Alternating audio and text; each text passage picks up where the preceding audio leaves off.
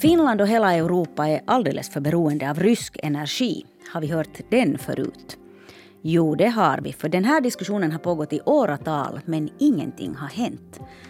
Alla försök att göra sig av med det här beroendet har misslyckats och i själva verket har Europa blivit bara mer och mer beroende av importen av fossila bränslen från Ryssland. Och nu står vi då här med vår tvättade hals. Medan det ryska anfallskriget rasar vidare i Ukraina och gas och oljekranarna från Ryssland stängs en efter en. Jag heter Jonna Nupponen och med mig här i Nyhetspoddens studio idag har jag Peter Lund, professor vid Aalto-universitetet och energiexpert kan man väl kanske kalla dig. Jo, jo. Välkommen. Tack, tack, jo, tack för den här inbjudan. Tack. Hur illa är det Peter? Kan det vara så att de ryska kranarna stängs för gott nu?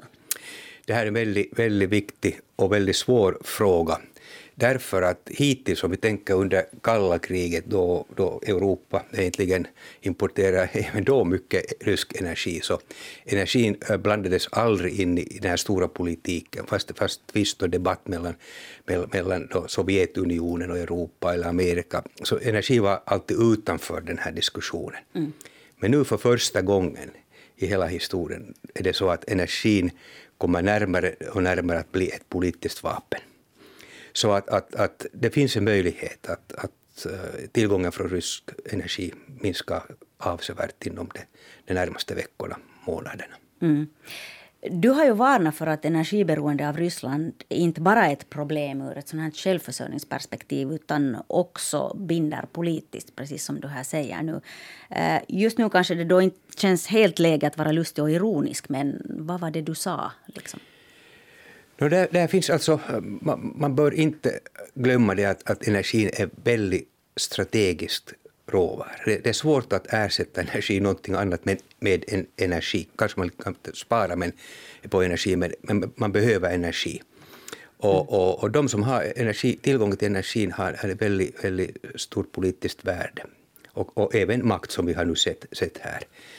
För, för Europa betyder det nu, om man tänker i det här dagens läge, när, när vi köper både olja och, och, och gas och stenkol från, från Ryssland.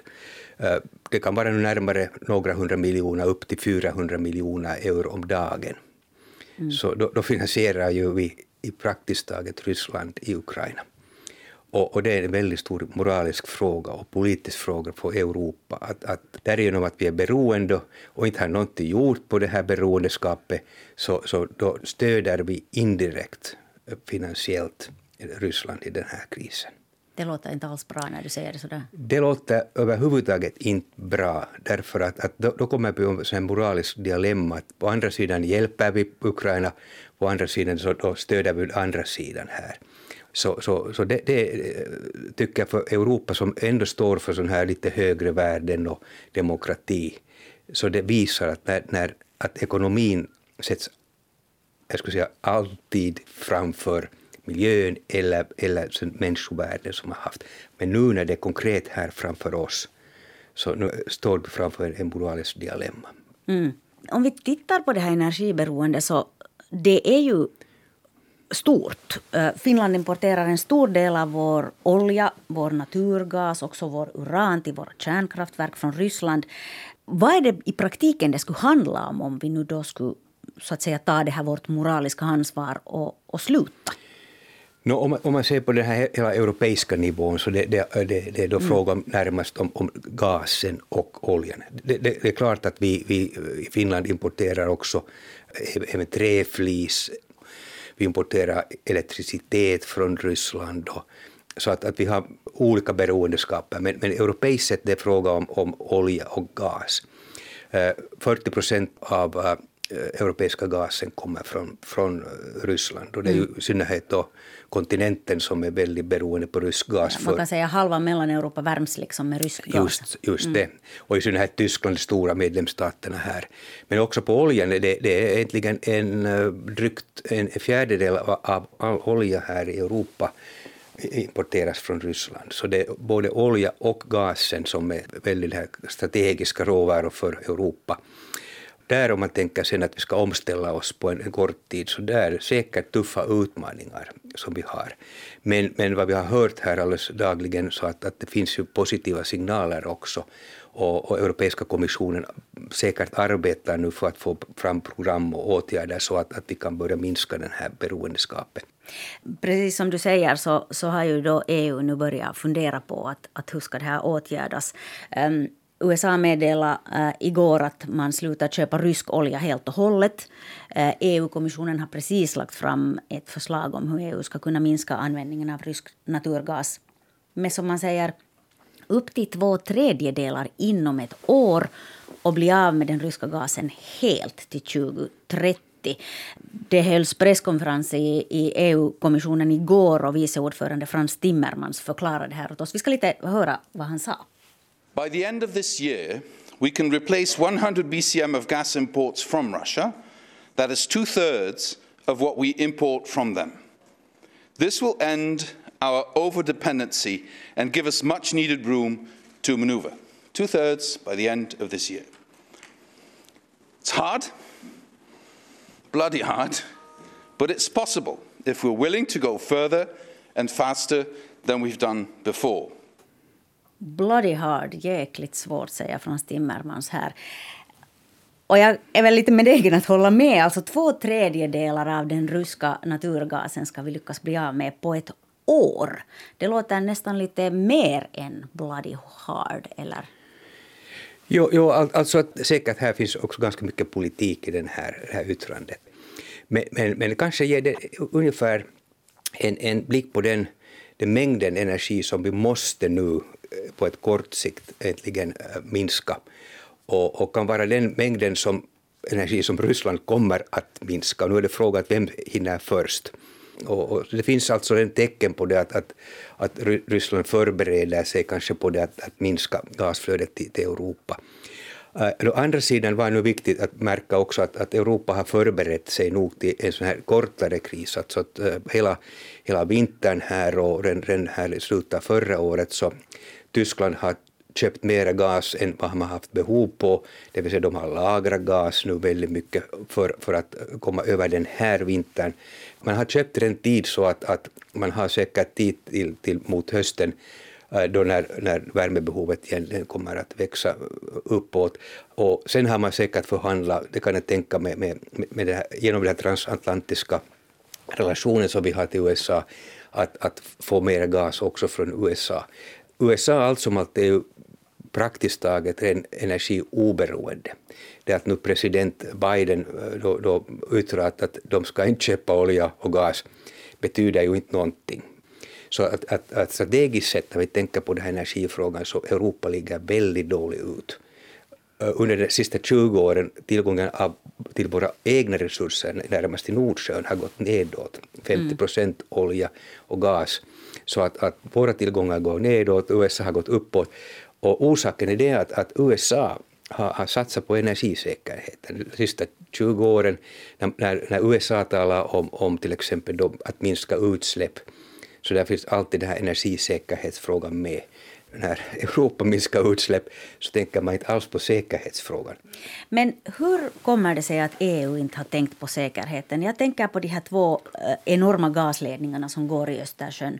Nord Stream 1 har levererat gas i dryga tio år redan till Europa från Ryssland och Nord Stream 2 som ligger där redo men som inte ännu har hunnit tas i bruk och som säkert aldrig tas i bruk nu heller eftersom det är stopp på det projektet. Det är redan deklarerat dött och bolaget som, som ligger bakom Nord Stream 2 är bankrutt. Uh, här är två enorma gasledningar från Ryssland som ingen har diskuterat vad det är för en säkerhetsfråga. Varför gör Europa så? Jo, det, det, det, är en god fråga. Alltså att, och jag tycker nu att om man ser på det här, också det här finska läget nu när man talar om Fennovoima och så vidare så mm. ekonomiska intressen går framför eh, nationell säkerhet och säkerhetsfrågor. Om man tänker på Nord Stream, eh, rörledningarna, så det har varit nog, nog alldeles direkt en fråga om, om god affärsmöjligheter. Och då struntar man på nationella säkerhetsfrågor, även på eh, hög politisk nivå. Och orsaken är väldigt enkel, det är det, vårt samhälle är så energiberoende. Tar man pluggen ut från stepsen så då, då, då stoppar allt. Så då, då, måste man förstå den här säkerhetsfrågan mycket, mycket klarare och där har man nonchalerat nog den här läget. Nu står vi här med den verkligen eh, precis framför ansiktena på oss. Vilka snabba lösningar finns här nu då för att eh, kompensera för den energi som vi då nu eventuellt kanske aldrig mer får från Ryssland? Jo, alltså i värsta fallet det, det är då eh, fråga om, om gas men också om olja. Och, och där, där så, eh, det, man måste titta lite över en, en, en, en Eh, längre tidsspann. Alltså det, om man tar det där första halvåret, kanske, om det händer så att det, det blir avbrott i den här energiimporten, så då har ju eh, eh, länderna har olika såna här reserver, strategiska reserver. Som, som Finland till exempel har då olja för, för en konsumtion av fem, fem månader. Och, och, och den, den på sätt och vis dämpar den, den första chocken som, som kommer. Mm. Eh, så, så, att det är den första, men, men sen, sen kommer, alltså de här första månaderna kommer, går det nu, som, som sagt, inte märker man kanske ens vad det händer, men jag tror att myndigheterna allt som allt sen, sen drar ju energiförbrukningen nedåt, det blir ransonering kanske, det blir reglering. Och, och beroende på det att hur man utser den här uh, utvecklingen, att, att, kan vi ersätta då den här gasen eller, eller då oljan med, med nya då leveransländer, Eh, så, så beroende på den här osäkerheten som finns där så då kan det hända att det blir ganska stark reglering. Ja, för hur lätt kan det vara att ersätta det här? Eh, jag tänker nu, nu pratas det väldigt mycket om den här flytande naturgasen LNG som man då potentiellt skulle kunna ta från USA till exempel eller något sånt. Men, men finns det ens infrastruktur för det här? Finns det ens lager för att lagra det? Finns det ens tankers som kan, som kan skeppa det hit till Europa. Och här är ju en massa sådana frågor som finns bakom som kanske jag som vanlig elkonsument inte vet så mycket om, men, men som spelar in här. Jo, det, det finns inte ett, en, en enstaka uh, åtgärd som skulle lösa den här frågan. Mm. Vi behöver ju väldigt mycket olika åtgärder. Och om, om man tar nu den här flytgasen som, som kan, kan köpas från från, från olika ställen. USA är möjlighet, men också sen från, från Persiska viken, Qatar till exempel, Algerien. Men, men nu kommer den här frågan just om, om logistiken, att, att, att vi har inte sån här mottagande kapacitet här i Europa som skulle kunna då bara ersätta den här, den, här, den här bristen som vi har. Tyskland har inte en enda LNG-terminal, de börjar bygga nu, nu såna här och, och det här. Mm -hmm. Så att, att den tar en viss tid. Det är säkert att LNG kommer att bli säkert viktig här över, över åren, skulle jag säga. Mm. Inte över månaderna, men över åren. Men, men sen är det alla de här inhemska eller europeiska åtgärder som vi kan ha. Och, och då talar vi säkert om, om förnybara, förnyelsebara energikällor. Äh, hjälpa till att, att då accelerera byggandet och hjälpa till med den byråkratin. Alltså, I Finland mm. har vi säkert några tusen megawatt vindkraftprojekt som, som sitter någonstans i någon process och går inte framåt. Så att, att, alltså vi har väldigt mycket kapacitet på kommande.